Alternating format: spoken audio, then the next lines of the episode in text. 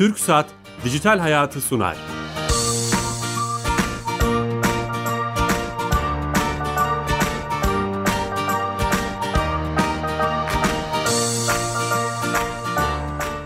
Herkese merhaba, ben Bilal Eren. Teknoloji, internet ve sosyal medyanın daha geniş anlamda dijitalleşmenin hayatımızda etkilerini konuştuğumuz programımıza hoş geldiniz. Her cuma saat 15.30'da TRT Radyo 1 mikrofonları İstanbul Harbiye'den yayındayız. 216. programındayız, heyecanlıyız, heyecanımız devam ediyor. Çok değerli bir konuğumuz var. Çok değişik bir disiplin üzerinden e, teknolojinin e, hayatımıza, dijitalleşmenin hayatımıza etkilerine bakmaya çalışacağız.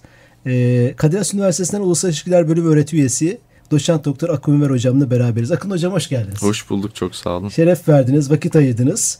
Ee, şeyi konuşacağız. Uluslararası ilişkiler bağlamında e, devletlerin, ulusların tabi oldukları kurallar var. Fakat dijital dünyada şu an hayatımızda bulunan mecraların kurallarını konuşacağız. Böyle kurallar var mı? Ee, bunların biriktirdiği ve bizim aleyhimize lehimize kullanılan veri ve onun üstünden yeni bir yönetim sistemi veri kapitalizmi de deniyor. Bunu konuşmaya çalışacağız. Değişik bir disiplin üzerinden. Ama önce sponsorumuz TürkSat. TürkSat'a bağlanıyoruz. TürkSat hayatımızı kolaylaştıran servisleri e, dizayn eden, yapan, hayatımıza sokan Türk, Türkiye Gov.tr'yi işletiyor, yapıyor. Sami Bey telefon attığımızda. Sami Bey. Bilal Bey yayınlar. Hoş geldiniz yayınımıza. Hoş bulduk sağ olun. Hangi servisi anlatacaksınız bu hafta? Evet elektrik, su, doğalgaz abonelik işlemleri artık e kapısından yapılabilmekte. Bu hafta ondan bahsedelim kısaca. Tamam. E, mesafeli satış mevzuatı ve diğer yönetmeliklerde yapılan düzenlemelerle kullanıcılarımız artık elektrik, doğalgaz, su ve telekomünikasyon e, aboneliklerini e-devlet kapısı üzerinden yapabilmekteler. E, neler yapılabiliyor bu hizmetlerin içerisinde? E, borç bilgileri, ödeme bilgileri sorgulanabiliyor, bireysel abonelik başvurusu ve esnek başvurusu şu an yapılabilmekte. Mevcutta entegre olmuş elektrik, doğalgaz, telekomünikasyon, mobil hat, su ve kanalizasyon firmalarının abonelik işlemlerine erişebilmek için E-Devlet Kapısı'nın ana sayfasında yer alan firmalar sekmesini kullanmak yeterli. Süper. Bu, bu hafta bu çok da konuşuldu. Herkesten olumlu şeyler de gördüm sosyal medyada e, bu konuda. Teşekkür ediyoruz hayatımıza bu servisi soktuğunuz için. Ben teşekkür ederim. İyi yayınlar diliyorum. Sağ olun tüm ekibe, tüm ekibe selamlar. Evet TürkSat'a bağlandık. Yeni açan dinleyicilerimiz için tekrar edeceğim. Kadir Has Üniversitesi Uluslararası İlişkiler Öğretim Üyesi Doçent Doktor Akın Ünver hocamızla beraberiz. Akın hocam şimdi şöyle başlayalım mı? Hep benim kafamda da olan bir şey. Diplomasi, uluslararası ilişkiler bağlamında. Şimdi öyle yapılarla karşılaşmış durumda eski skandallar vesaire seçimlere müdahale eden, yukarıda Wi-Fi hizmeti vereceğim deyip balon uçuran, işte e, e, verilerimizle ilgili birçok e, şeffaf olmayan iş modellerine sahip olan şirketler var. Ama sizin uzmanlık alanınız devletlerin, toplumların, ulusların tabi olduğu yazılı yazılı olmayan kurallar var. Şimdi bu bu şirketleri işte yani hep, hepimiz Google, Apple, Amazon vesaire bunlar neye bağlı olacaklar? Yani ulusal ilişkiler bağlamında nereye oturtmamız lazım bunları? Valla her e, büyük teknoloji gelişimi e, döneminde e, işte İngiltere'deki e, endüstri devrimi, e, endüstri devrimi sonrasında petrole geçiş, e, enerji şirketlerinin ortaya çıkması, e, finans şirketlerinin ortaya çıkması, bütün bu insan organizasyonu ile ilgili büyük dönüşümlerin olduğu dönemlerde e, devlet otoritesi zayıflar, e, özel teşebbüslerin, özel şirketlerin gücü artar. Bu bir e, döngüsel ilişkidir. E, hatta e, bir anlamda Kuznets eğrisi de bunu e, tanımlayan bir şeydir. E, bu noktada devletler ve özel şirketler arasındaki e, güç çekişmesi e, bir döngüsel meseledir. İşin sonunda yeni bir teknoloji ortaya çıkar. Özel şirketler bu teknolojiyi e, adapte, bu teknolojiye adapte olmada daha hızlı davranır çünkü daha verimli sistemlerdir. E, devletin ise çok büyük bir hukuksal altyapısı olduğu ve çok fazla kişiyi idare etmek zorunda olduğu için çok daha yavaş adapte olurlar. İşin sonunda özel şirketler adapte olur, devletler geride kalır. Fakat e, devletler yavaş yavaş e, bunun e, yasamasını ve hukuksal e, e, altyapısını hazırlar ve e, özel şirketlerle e, aynı seviyeye gelir bir noktada. Veri meselesinde de e, konu aynı. E, yani geçtiğimiz özellikle işte 2010-2011 e, işte Arap Baharı bu batıdaki Occupy e, hareketleriyle birlikte e, ortaya şöyle bir e, mesele çıktı. Yeni bir iletişim e, ara birimi var. Bu iletişim ara birimi telefon, telgraf, televizyon, radyodan biraz daha farklı. Çünkü e, bütün bu iletişim araçlarına baktığınız vakit arada her zaman bir e, ortada duran bir kişi ya da bir güç e, birimi olur. Editör olur gazetelerde, haberci olur. Sonuçta sizin haber almanızı e, etkileyen birileri olur. Şimdi sosyal medya ve dijital iletişim teknolojileriyle birlikte aradan bu ara insan, e, aracı e, kurum ve aracı kişi ortadan kalkmış vaziyette. E, bir protesto anında ya da bir toplumsal hareket anında e, o bölgeden birisi bir içerik üretiyor. Herhangi bir aracıya ihtiyaç olmadan internete e, bunu e, ulaşıma sokuyor. Ulaşıma sokuyor e, ve siz hiçbir aracıya ihtiyaç duymadan bunu e, tüketiyorsunuz. E, dolayısıyla insan iletişimi açısından çok yeni bir mesele. E, devletlerin buna adapte olması çok zor oldu. Özellikle hani o 2011-2012'den sonra da işte Suriye iç savaşı, Ukrayna iç savaşı, e, daha silahlı çatışmalarda da şunu gördük ki e, devletler çok yavaş adapte oluyor bu, meselelere ve bu adaptasyon süreci içerisinde devlet dışı aktörler yani bu hem terör örgütleri olabilir e, hem de teknoloji şirketleri Amazon gibi, Uber gibi, Lyft gibi e, bunların giderek güçlendiğini görüyoruz. Ama bu bir sonuçta daha önce belirttiğim gibi döngüsel bir mesele. Sonrasında bu tekrardan devletin e, meseleye adapte olup e, tekrardan güçlenmesiyle sonuçlanacak. Evet. Peki o teknoloji şirketi o, o, o arada orada duruyor mu? O ilerlemiyor mu? Diye sorulabilir belki. İlerliyor. Teknoloji şirketleri şu anda çok güçlü ve belki de altın çağını yaşıyor diyebileceğimiz bir dönemde. işte Amazon, Netflix, Spotify, Facebook. Dünyası. Evet platformlar Hatta dünyası. Hatta sizin belki geçen bir yazı okudum platformlar kapitalizmi. kapitalizmi tabii. Yani e, altın çağını yaşıyor bunlar. E, bu şeyi izlediyseniz e, tabii bir sürü film var bununla ilgili de Leonardo DiCaprio'nun e, Wall Street'in kurdu evet, e, evet, filminde. İşte nasıl Wall Street'in bir altın çağı var idiyse e, sonrasında Amerikan hükümeti gidip bu şirketleri e, işte monopol olmasına, tekelleşmesinler diye parçaladı, böldü. Hala tekelleşiyorlar ama artık hani devlet çok daha kuvvetli bir noktada. Şimdi de e, o işte 90'lardaki 80 sonundaki Wall Street nasıl hani güçlendiyse teknoloji şirketlerde bir altın çağını yaşıyorlar ama geçici bir altın çağı. Öyle mi görüyorsunuz? Öyle. Yani ilerleyecekler tabii ki ve çok önemli e, yani pazar e, paylarına sahipler. E, fakat e, şirketler tarihine baktığımız vakit e, hep şunu görürüz. E, en iyi e, buna analoji oluşturabilecek e, sektör silah sektörü e, ve enerji sektörü. E, bu İkinci Dünya Savaşı'nın sonunda özellikle Amerika İkinci Dünya Savaşı'nı kazandıktan sonra o dönemde Eisenhower şunu demişti. Tamam biz kazandık bu savaşı ama devletlerden çok daha güçlü silah şirketlerimiz var artık. Ve bu askeri endüstriyel kompleks e, denilir uluslararası ilişkilerde. Silah sektörü o kadar büyüyor ki e, artık dış politikayı bir noktada e, belirliyor. Belirliyor. Yani etkide bile bulunmuyor. Belirliyor. Nerede savaşılacak, kim savaşılacak, nerede savaşılacak. Sovyetlerde de aynı mesele. Yani Sovyet ve demir perde silah endüstrisinde de aynı e, mesele vardı. Bir noktada o kadar kuvvetleniyor ki bu e, şirketler e, devletlerin kontrol edemeyeceği bir noktaya geliyorlar. Devletler devlet politikasını bunlar belirliyorlar.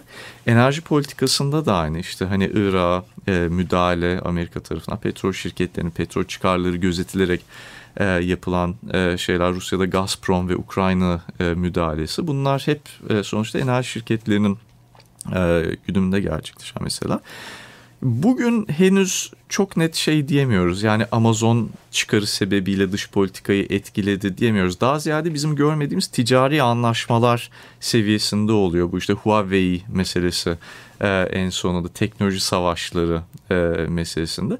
E, fakat bu e, hep işte belli bir seviyeye e, erişiyor. Sonrasında devletler tekrar kontrolü e, ele alıyor. E, hep ele almalarının sebebi ya yani altında yatan meseledir meşruiyet kavramı var. Yani teknoloji şirketleri, silah şirketleri, e, enerji şirketleri, finans şirketleri güçlenebilir konjonktürel olarak ama e, geniş meşruiyete sahip olmadığı için e, sürdürülebilir değil bu e, güç meseleleri. Sonrasında şey evet.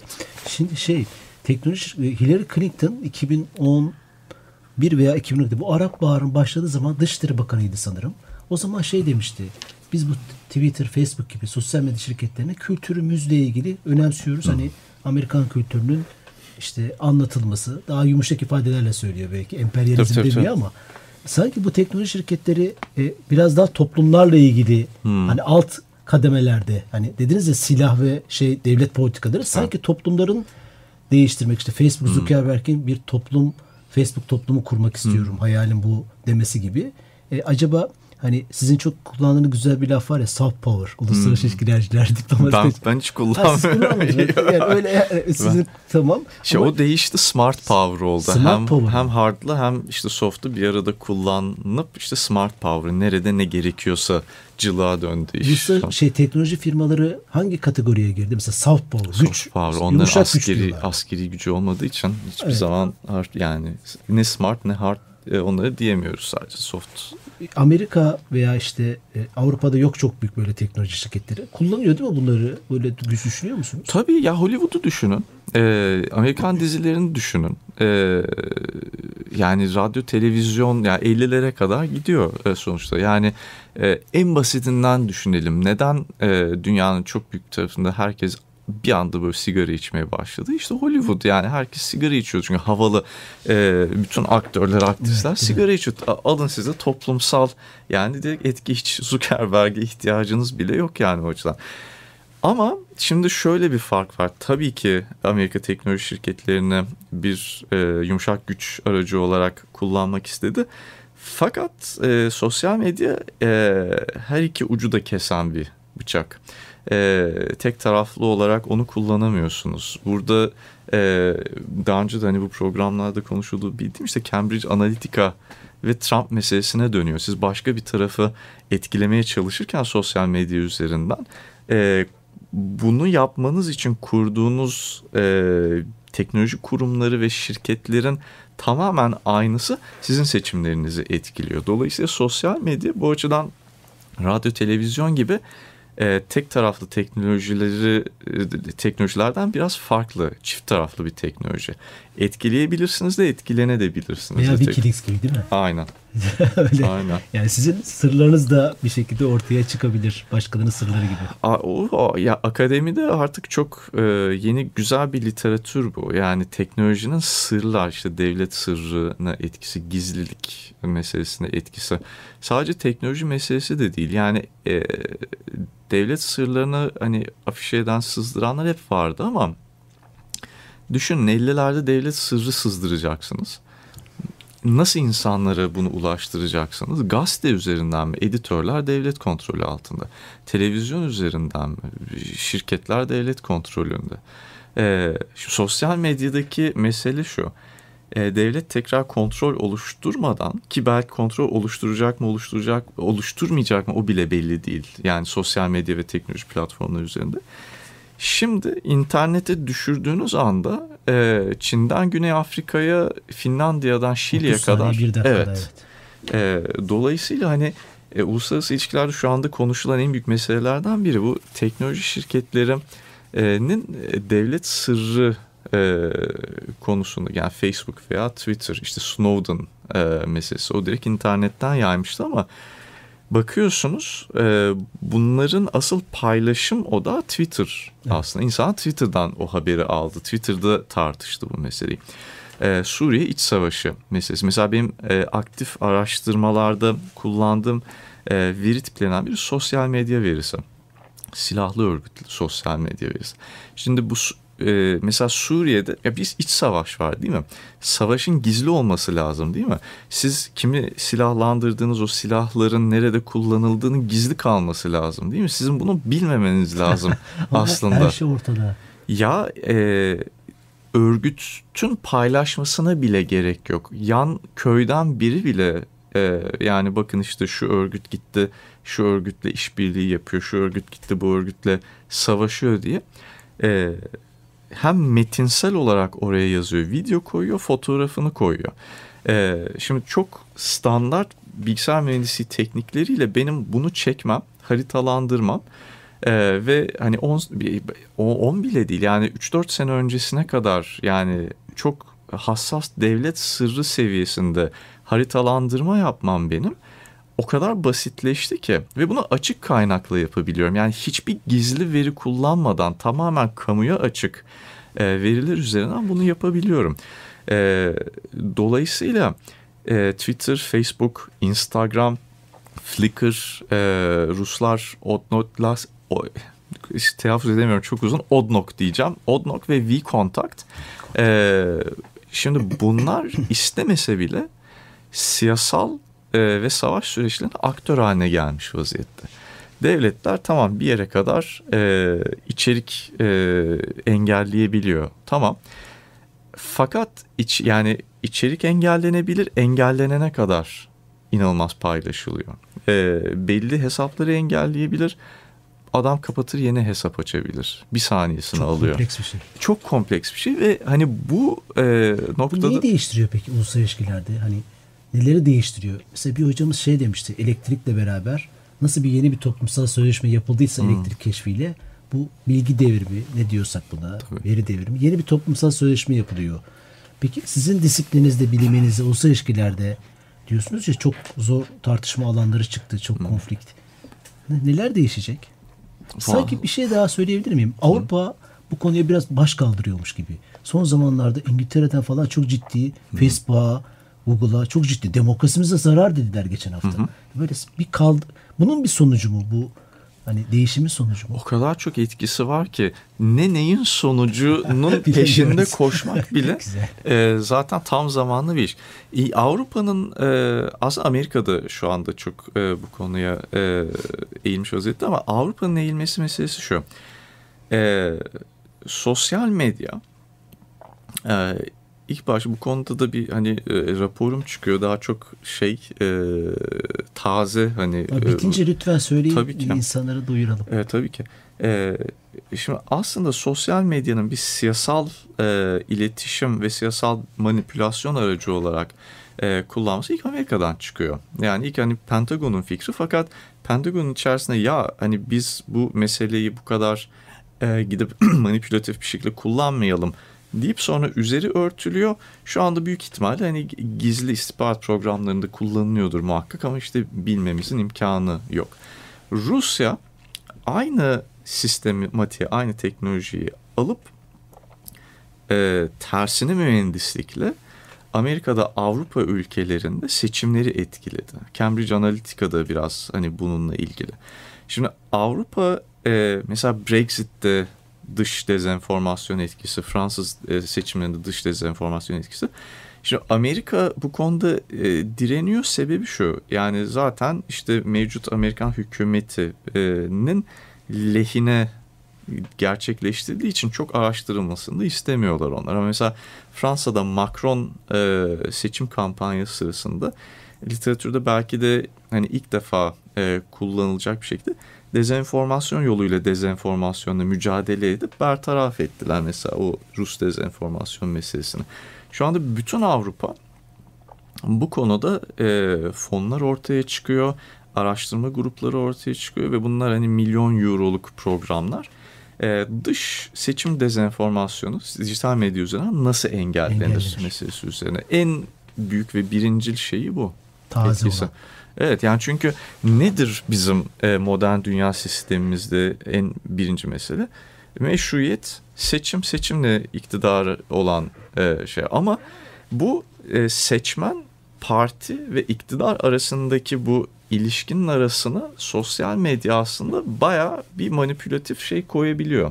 Yani dış dezenformasyon yoluyla siz seçmen davranışını değiştirebiliyorsunuz. E, seçim sonuçlarını etkileyebiliyorsunuz ve bu hani hackleme falana girmeden. Evet evet evet. Yani o işte Cambridge Analytica'da öyle şeyler evet. öğrendik ki hiç hackleme falan da yok, yok aslında. Yok. Diyor ki seni senden daha iyi tanıyıp evet. sana ona göre içerik acayip hikayeler vardı. Var. Siz bir de e, görüyorum da Twitter'dan aynı zamanda verinin uluslararası ilişkilerde çok kıymetli bir şey olduğunu. Tabii. Belki geçmişten beri böyle kadim bir mesele ama sanki bu bu zaman diliminde hani açıkta veri dediniz ya. e, o nasıl değiştiriyor? Nasıl kullanıyorsunuz? Hem akademide hem Birinci öncelik şu, e, diplomasi. Diplomasi veri nasıl etkiliyor? E, diplomasi nedir? Belirsizliğin olduğu bir anda e, karşı tarafın birbirlerinin niyetlerini çok iyi bilmediği anda, kriz durumlarında e, araya bir e, yastık mekanizması e, koyup e, acil durumda bir müzakere e, kanalı oluşturup e, sorunları daha tırmanmadan yatıştırma üzerine kurulu. Tırmandıracaksanız da hesaplı ve e, evet, bir hır, e, tırmandır, yani, evet, planlı tırmandırmanın. Yani diplomasi budur. Fakat acil durumlarda belirsizlik durumlarındaki diplomasinin hani en öncelikli ilgilendiği şey o. Yani diplomasi niye var?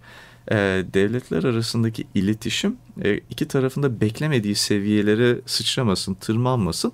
Ve işte İkinci Dünya Savaşı sonrasında bütün diplomatik ve uluslararası ilişkiler pratiği ve teorisinin bir numaralı şeyi Üçüncü Dünya Savaşı'nı nasıl engelleriz?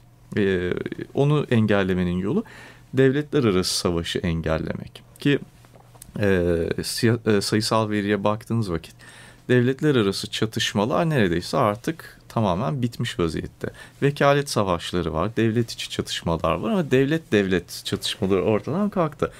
Bu diplomasinin zaferi diyebiliriz. Fakat e, diplomasinin ortada olması için bir güven olması lazım. Asgari bir güven olması lazım. İki tarafın da e, birbirlerine sunduğu veri, e, bilgi ve kanıtlarda bir anlaşma olması lazım. Düşünün ki biz iki farklı ülkenin diplomatıyız bir kriz durumunu çözmeye çalışıyoruz.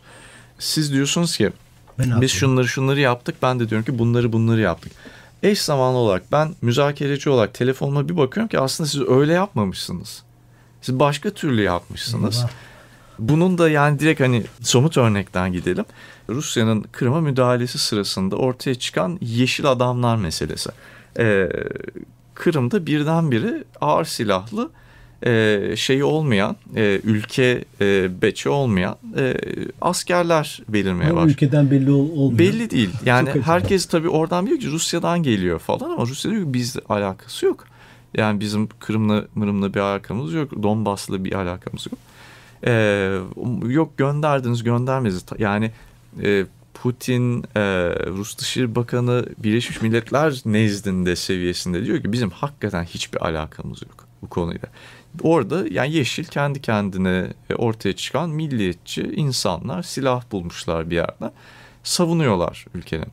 Eş zamanlı olarak V-Contact ve Odnok'tan Rus e, topçu birlikleri, e, komando birliklerine mi- askerler ya bizi Kırım'a gönderdiler, peçte koydurmadılar, ne iş yaptığımızı haberimiz yok falan diye bir iki değil yüzlerce sosyal medya hesabı yaptılar. Rusya sonra engellemeye çalıştı. Bir Rus genelkurmayının sosyal medya engelleme kararı çıktı. İşe yaramadı.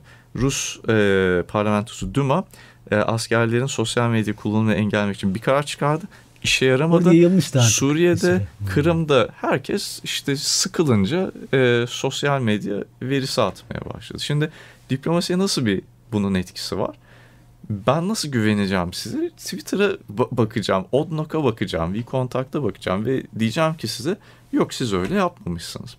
Yani devletin kendi içerisindeki istihbarat yönetimi, bilgi yönetimiyle ilgili aslında korkunç meseleler. Çok hani çalışan e, şu anda bu meseleleri Çok yok güzel ama bir örnekti ama. 4-5 sene boyunca artık herhalde buraya evrilecek. Evet son son iki dakikamız kaldı. Çok da keyifli gidiyor. Ee, Türkiye'de sizin çalışmalarınız vardır. Veya Türkiye'nin veri diplomasisi Hmm. konusunda nereden son bir, bir buçuk dakikada? Dışişleri çok ilgili bu konuda. Ee, fakat tabii e, bizim hani büyükelçilerimiz ve diplomatlarımız e, da yani o kadar e, mesele hızlı ilerliyor ki yani diplomatı falan bırakın mühendisseniz bile peşinden koşamıyorsunuz. Yani gerçekten mesela sosyal medya uzmanı ve sosyal medya mühendisi iseniz bile bunların siyasal e, dışa vurumlarını e, yani tartışabilirsiniz ama o kadar e, açık bir alan ki Çok tam nereden alan. Evet, e, dolayısıyla e, geçenlerde e, hani benim de katıldığım dışişlerinin e, düzenlediği e, İstanbul Müzakere Konferansı düzenlendi. Bu aynen bu konuda konuşuldu orada. Hani Türk dışişleri ve diğer e, ülkelerin dışişlerinden gelen insanlarda. E, benim onlara söylediğim şu oldu. Eski tip diplomasi hala çok geçerli. Sosyal medya çok belirsiz. E, ne yapılacağı konusunda e, çok belirsizlik var. Eski tip diplomasiyi etkileyen e, bir durum değil. Hala eski tiple devam edeceğiz. Devam edeceğiz. Evet çok keyifli bir program oldu. Çok teşekkür ederiz. Ben teşekkür Bu ederim. alanda çalıştığınız için çok teşekkür ediyoruz. Devamınızı diliyoruz. Başarılarınızın da aynı zamanda. Ee, Kadir Has Üniversitesi Uluslararası İlişkiler Bölümü öğretim üyesi Doçent Doktor Akın Ünver hocamızla beraberdik. Veri kapitalizmden girdik ama nerelere nerelere girdik nerelere diplomasi diye çok kıymetli bir program oldu. Pazartesi günü bu programımızın kaydını bulabilirsiniz. İyi hafta sonları. Hoşçakalın.